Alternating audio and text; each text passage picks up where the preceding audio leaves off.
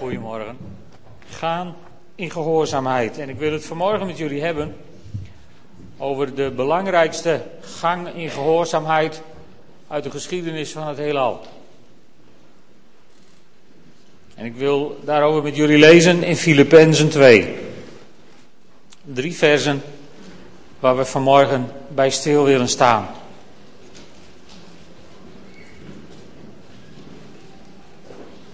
Filippenzen 2, vers 6 tot 8. En dan gaat het over de Heer Jezus. En volgens uh, geleerden heft Paulus hier een lied aan wat in de Arameese kerk uh, bekend, scheen, bekend scheen te zijn. Filippenzen 6, 2, vers 6. Hij, die de gestalte van God had, hield zijn gelijkheid aan God niet vast maar deed er afstand van.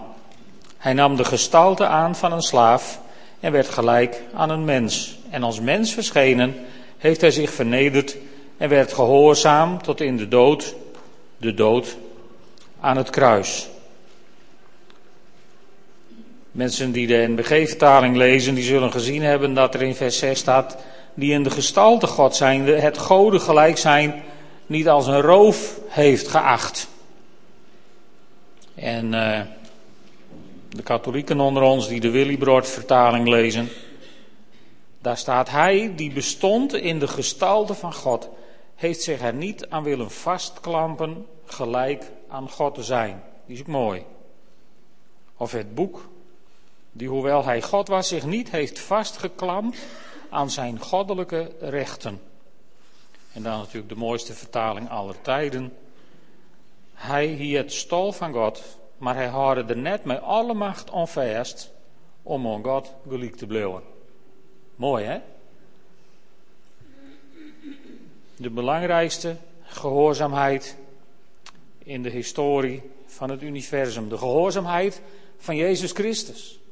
Waar we deze weken aan denken. In deze adventstijd verwachten we het kerstkindje. En het, het ja, het risico is dat we nog steeds bij dat kindje blijven hangen. Dat is natuurlijk ook aantrekkelijk, want ja goed, een kindje, zo'n pasgeboren kindje, wat je daar uh, ligt, uh, ligt aan te gapen in de wieg, dat is heel bijzonder. En als hij dan ook nog een glimlach krijgt, dan wordt de wereld helemaal een paradijs. Maar daar moeten we natuurlijk niet blijven hangen.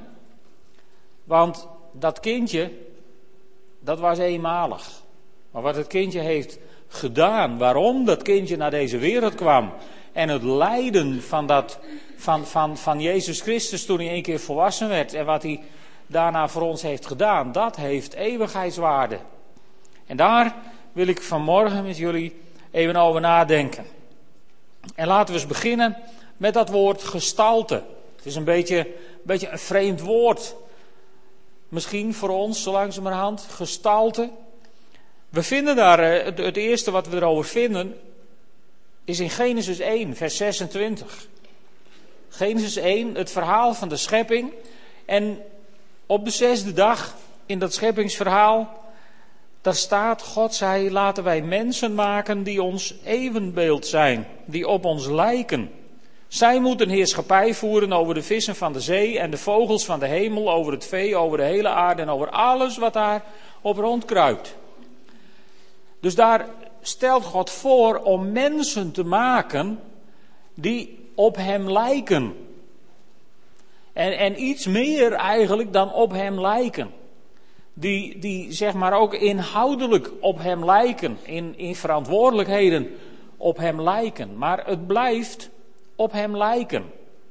Dichterbij komt dat woord niet. We zijn gemaakt naar het beeld van God. Dus we, we, we lijken op hem.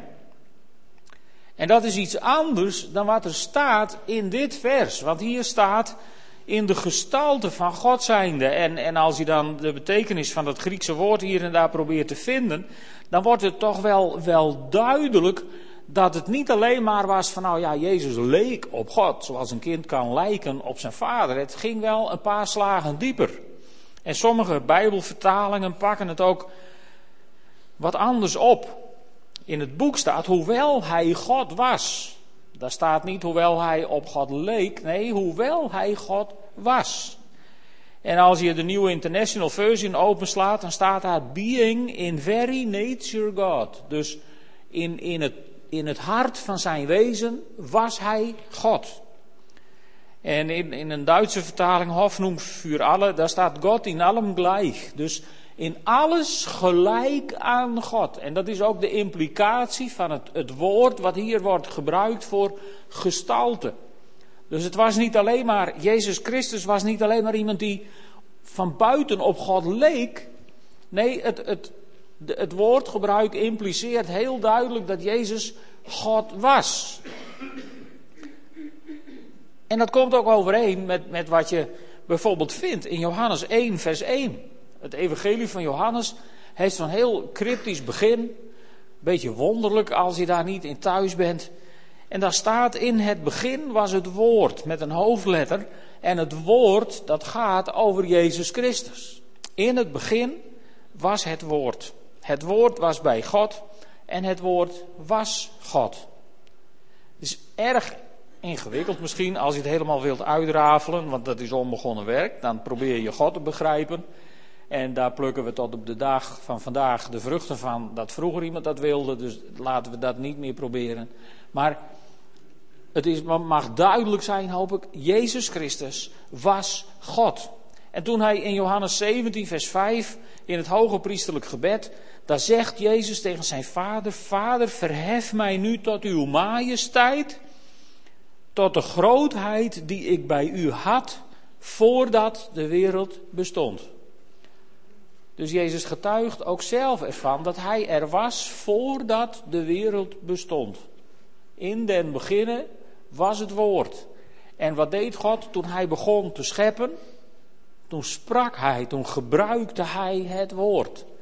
En dat geeft aan dat Jezus Christus was gewoon God. Onderdeel van de Godheid. Net zo goed als de mens bestaat uit lichaam, ziel en geest, bestaat onze God, die wij, waar wij in geloven, uit de Vader, de Zoon en de Heilige Geest. En die moet je niet uit elkaar willen rafelen. Die zijn ook niet in losse onderdelen te koop. Je kunt ook niet zeggen van nou, ik wil wel in God geloven, maar en, Jezus hoeft voor mij niet, doe mij dan de Heilige Geest er maar bij. Je kunt ook niet zeggen van nou, de Heilige Geest, nee, dat vind ik wat vaag, dus doe mij alleen maar Vader en Zoon. Dat gaat niet. Je, je gelooft in God, je neemt ze hem zoals hij is, of je neemt hem niet.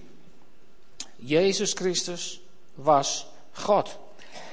En dan gaat het verder, want dan staat er, hij deed er afstand van. En hij nam de gestalte aan van een slaaf, dus van een dienstknecht. Hij, en, en daar wordt weer hetzelfde woord gebruikt. Dus wat sommige kringen vroeger al beweerden, en het schijnt dat er nog steeds dat soort mensen op aarde rondhollen, die beweren van nou ja, maar Jezus leek een mens, hè? een soort fantoombeeld, maar hier wordt hetzelfde woord gebruikt. Dus als Jezus met ditzelfde woord niet een echt mens was, dan was hij ook niet echt God. Dan ging het nergens over, dan, kunnen, dan blazen we die kaarsen uit, gaan we naar huis, verkopen we de, de, de tent en dan gaan we wat anders doen. Volgens mij de enige optie die je dan overhoudt. Maar dat gaan we niet doen. Volgende week steken we zelfs nog een kaars aan, want wij geloven, hoop ik, dat Jezus Christus God was en mens werd. Dus toen hij op aarde kwam, dat kindje in die kribbe, was volkomen God en volkomen mens. Er zijn kerkscheuringen over ontstaan omdat mensen dat niet wilden geloven. Maar dit is wat er gebeurde. God kwam als mens naar deze wereld. In gehoorzaamheid. En hij werd ook mens. En dan zou je zeggen, nou ja, als je als God naar de wereld komt, dan, uh, ja, dan moet het wel wat lijken natuurlijk. Dan, dan moet dat wel wat cachet hebben. Je bent op laatst God, of niet? Ik bedoel, je, je komt dan niet, niet, Het was al heel wat dat hij een luier aan wilde en dat soort gedoe allemaal. Dat had hij ook allemaal anders kunnen doen. Maar hij koos ervoor om, om geboren te worden als baby. En, en hij koos er ook voor om de gestalte van een dienstknecht, van een slaaf, van een eenvoudig mens aan te nemen. Jezus werd niet geboren in een koningshof, alleen toegankelijk voor hotemetoten en bobo's. Nee, Jezus werd geboren in een heel gewoon gezinnetje. Bij Jozef en Maria.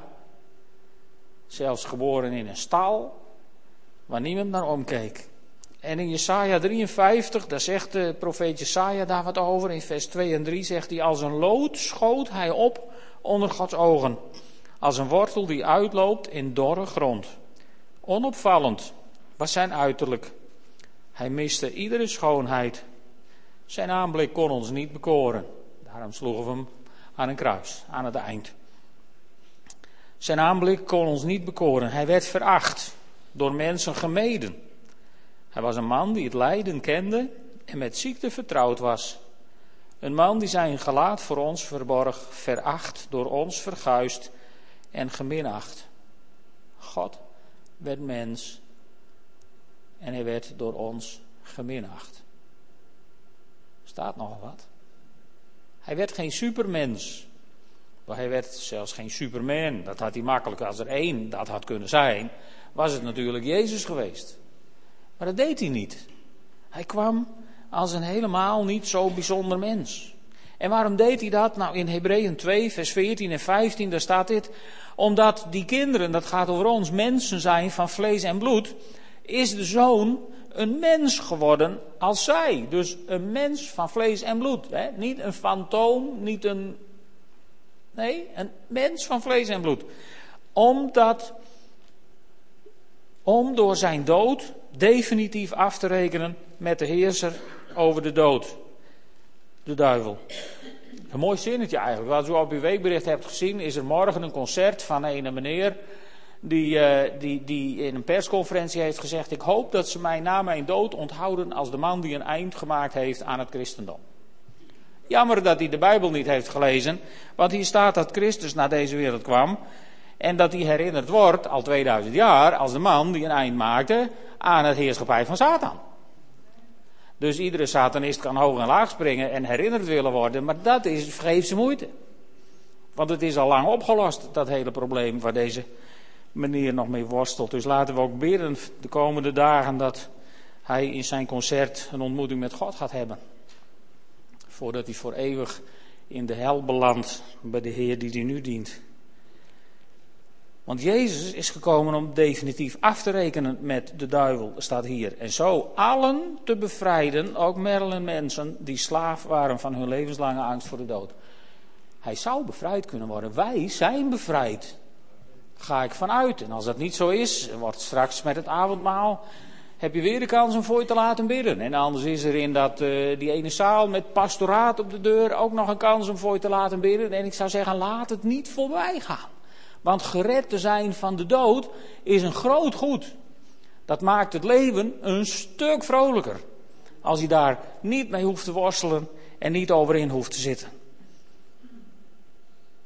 En zo word je bevrijd van je levenslange angst voor de dood. Heel bijzonder. In 2 Korinthe 8, vers 9, daar staat dit. Ten slotte kent u de liefde die onze Heer Jezus Christus ons heeft gegeven. Hij was rijk, maar is omwille van ons arm geworden. Opdat wij door zijn armoede rijk zouden worden. Mooi hè, daar gaat het over. Dat is waar deze gehoorzaamheid toe leidt. En dan moet je even goed letten, even met mij kijken naar de tegenstelling tussen de goddelijke mens of de menselijke God Jezus Christus en tussen ons. Wij waren net op deze wereld en we heten Adam en Eva. En in Genesis 3, vers 5, daar staat dat de duivel tegen Eva zei: God weet dat je ogen zullen opengaan zodra je daarvan eet. Want dan zul je als goden zijn en kennis hebben van goed en kwaad. Als goden staat hier. Kan allebei natuurlijk, want Elohim is in wezen een meervoudsvorm, maar de normale vertaling zou zijn: je zult aan God gelijk zijn als je hiervan eet. Wat was het verlangen van Adam en Eva? Zij waren geschapen naar Gods beeld en zijn gelijkenis. En ze leken oneindig veel meer op God dan wij nu. Want de zonde was nog niet in de mens gekomen. Dus ze, ze waren een, een geweldige, prachtige afspiegeling van God. Maar het was niet genoeg. Want ze wilden aan God gelijk worden. En dat gaat nou één keer niet. Dat is niet onze plek. En dan komt de tweede Adam op deze wereld. En die tweede Adam, die was bereid, als God zijnde, om aan de mens gelijk te worden. De mens wilde opstijgen naar de hemel en God in wezen Gods positie betwisten. En dat ging helemaal fout. En toen zei God, weet je wat, ik kom naar beneden, naar jouw niveau. En dan ga ik aan jouw positie wat doen. Daar ga ik verandering brengen. En zo zegt Paulus in Romeinen 5, vers 19: Zoals door de ongehoorzaamheid van één mens alle mensen zondaars werden, zo zullen door de gehoorzaamheid van één mens alle mensen rechtvaardigen worden. Nou, is dat mooi of is dat mooi? En daarom branden hier nu twee kaarsjes van hoop. En volgende week drie. En die week daarna vier. En dan vieren we kerstfeest. En dan, dan, natuurlijk denken we dan wel even aan dat kindje aan de kribbe. Maar ik hoop dat er dan in je denken niet alleen maar kindjes in kribbetjes en kalkoenen op schalen en kerstbomen zijn. Maar dat er ook iets is op die dag van dat bewustzijn van dat hij die God gelijk was, er niet met alle macht aan vastgehouden heeft om God te blijven, maar dat losgelaten heeft en naar de wereld is afgedaald om ons voor eeuwig te redden van de macht van de zonde. Want dat is in wezen wat er gebeurde in die stal. God kwam naar de wereld om ons naar de hemel te kunnen laten gaan. Een prachtig feest. Die tweede Adam was bereid om aan de mens gelijk te worden. En het bijzondere is dan dat hij er vanaf het begin van afzag om, om op zijn goddelijkheid te staan. Dat had natuurlijk makkelijk gekund. Ik bedoel, hij had. Uh, hij had alle macht. Mij is gegeven alle macht in hemel en op aarde, zegt hij zelf een keer. Hij was God. Hij werd mens. Dus was hij goddelijk mens. Op een of andere manier. En dan staat er in, in, het begin van zijn leven al, als hij als twaalfjarige in, in de tempel is geweest en zijn ouders zich te pletter hebben gezocht waar hij nou toch zou kunnen zijn, dan staat er van hij, hij onderwierp zich aan zijn ouders en werd hen gehoorzaam. Had hij helemaal niet hoeven doen. Toen hij had met één vingerbeweging de awas kunnen doen en hij deed het toch met een kwast en een blokje zonlichtzeep en, en dat had niet gehoeven. Hij had alle macht in hemel en op aarde. Maar hij koos ervoor om al die menselijke ongemakken, zeg maar, te ondergaan. En toen hij als Joods jongetje naar school moest om de Torah uit zijn hoofd te leren. Ik bedoel, hij had op dag één had hij de priester die hem de Torah kwam leren, de hele Torah kunnen citeren. Ze heb ik zelf bedacht. En dat deed hij niet. Dat deed hij niet, maar hij had het wel gekund. Want als je ziet wat hij later aan wonderen doet, dan, dan word je daar helemaal sprakeloos van. En toch op dag 1 van zijn bediening, zeg maar even, wordt hij door de geest meegevoerd, door de duivel, om door de duivel op de proef gesteld te worden. Matthäus 4. En dan staat er in de eerste vier versen hè, dat hij 40 dagen en nachten gevast had en hij had honger. Ja, dus hij was ook echt mens. Want hij had het ook zonder honger kunnen doen. 40 dagen vasten. En, en toen kwam de duivel en die zei: Als jij God bent, jongen, dan kun je toch van die stenen zo even brood maken. Waar wacht je nog op? En ook dat weigerde. Hè? En dan neemt de duivel hem mee naar Jeruzalem en die zet hem op de muur van die tempel. En die zegt: Als je nou naar beneden springt, komen de engelen je opvangen. Kat in het bakkie, gaat het hele volk voor je op de knieën. Hij had het gekund. Met een vingerknip had hij, zijn hele, hij had heel Israël aan zijn voeten kunnen krijgen. Hij deed het niet. Waarom zou hij dat niet gedaan hebben? Nou, omdat het het plan van God niet was. Hij had heel Israël aan zijn voeten kunnen hebben, maar waar waren wij dan terechtgekomen als heidenen? Bovendien was Israël dan ook niet gered. En dan even verder, daar staat hij, ik heb erboven geschreven, hij weigerde de, wat je dan op het Engels shortcut noemt. Hè, het, zeg maar, hij weigerde de bocht af te snijden. Toen Satan zei, joh, weet je wat, als hij nou even voor mij knielt, krijg je van mij alle koninkrijken van de wereld. Jezus wist dat hij alle koninkrijken van de wereld ging krijgen. Alleen die weg was, ja, die weg was moeilijk. Die weg was door de dood aan het kruis. En toch weigert hij het aanbod van de duivel. Hij was zo volkomen mens dat hij afzag van zijn goddelijke mogelijkheden. En dat heet gehoorzaamheid. Dat heet gehoorzaamheid. Er zijn twee woorden in het Nieuwe Testament voor gehoorzaamheid. En het ene woord dat wordt bijvoorbeeld gebruikt voor militairen die in een bepaalde rangorde van elkaar staan. En dan ben je gehoorzaam, daar heb je geen opties. Je doet wat je gezegd wordt vanwege de positie. Dat is het woord wat, wat je ook tegenkomt als Jezus zich onderwerpt aan zijn ouders. Zij waren zijn ouders en die gehoorzaam je omdat ze je ouders zijn. Dat is tegenwoordig misschien niet meer zo in, maar zo is het, heel simpel. Het zijn je ouders. En die staan dus, zeker zolang je klein bent, boven je. Je hebt het wel gezien als kleine Elin denkt van nou ik ga vast op het podium staan. Dan komt moeder haar onder de arm nemen en die voert haar af naar andere oorden. Want zij is haar ouder. Simpel.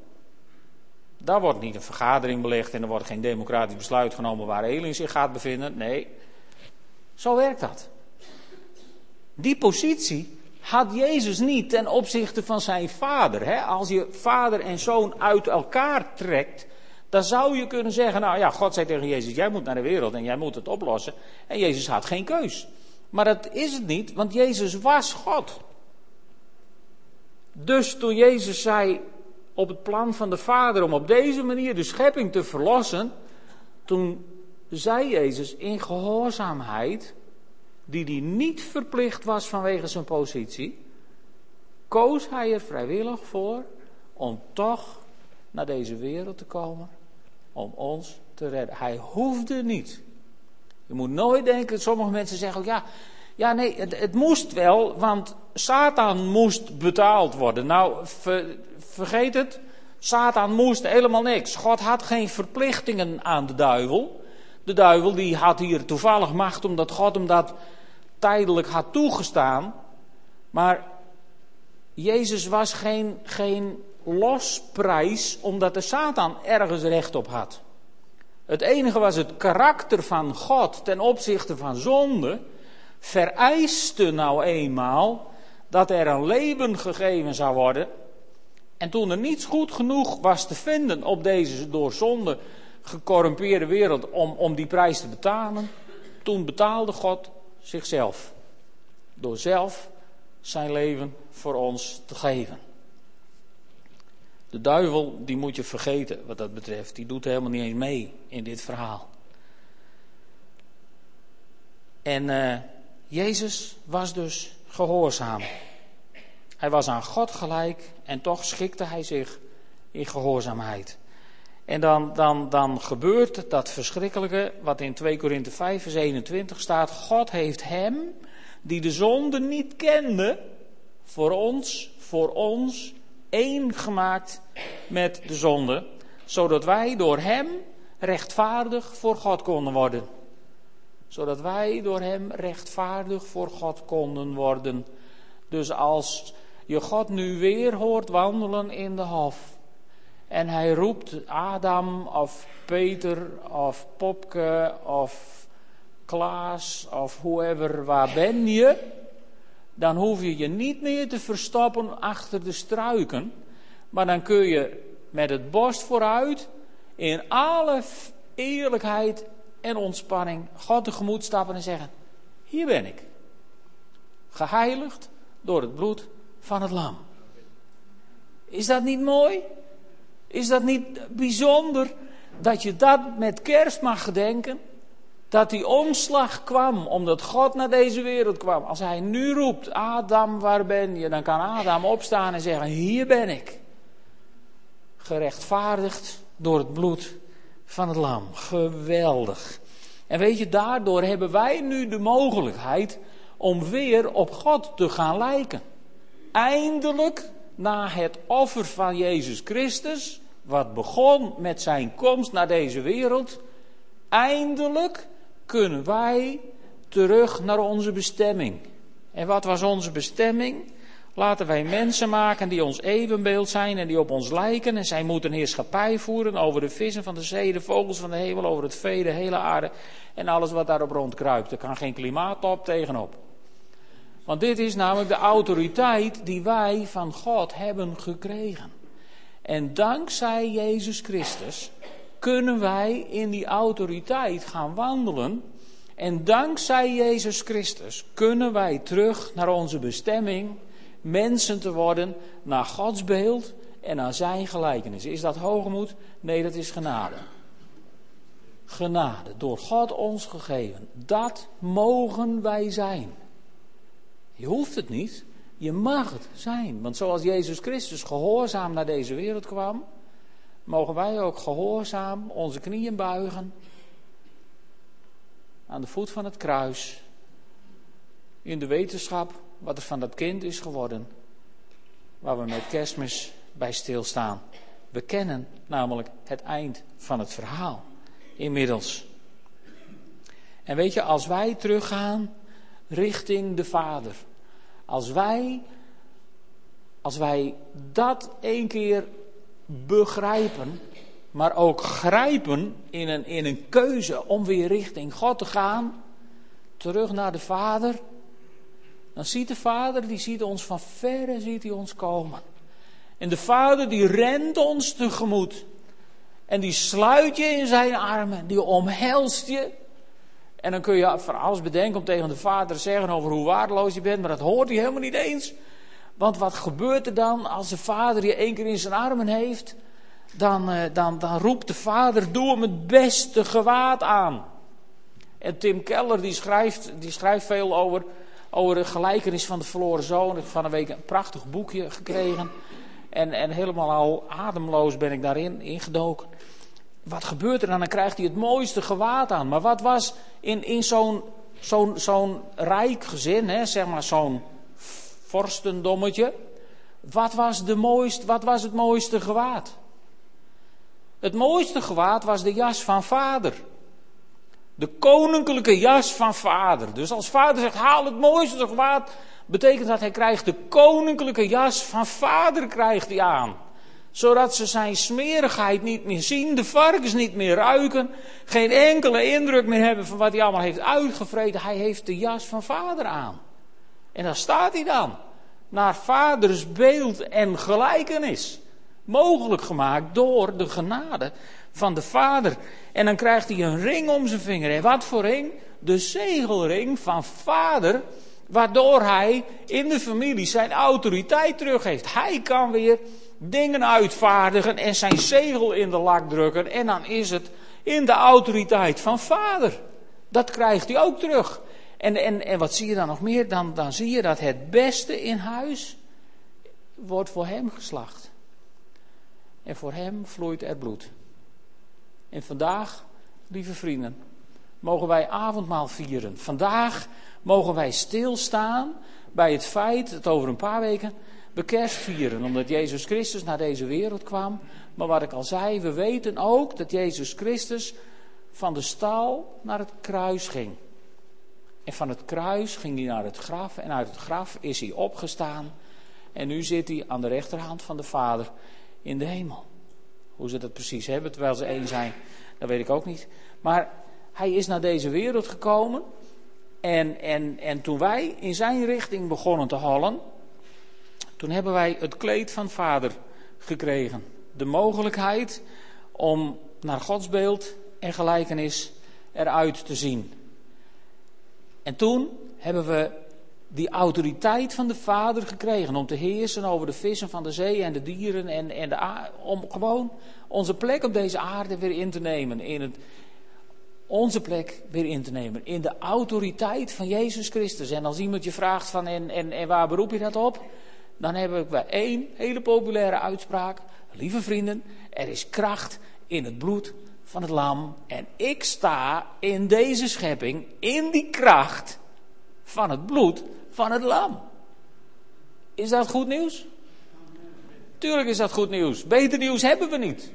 Je ziet het niet in het journaal, want het is niet beroerd genoeg, maar het is goed nieuws. Het is geweldig nieuws. En dan hebben we de jas van vader aan en we hebben de autoriteit van vader gekregen. En dan wordt het beste wat in huis is voor ons geslacht.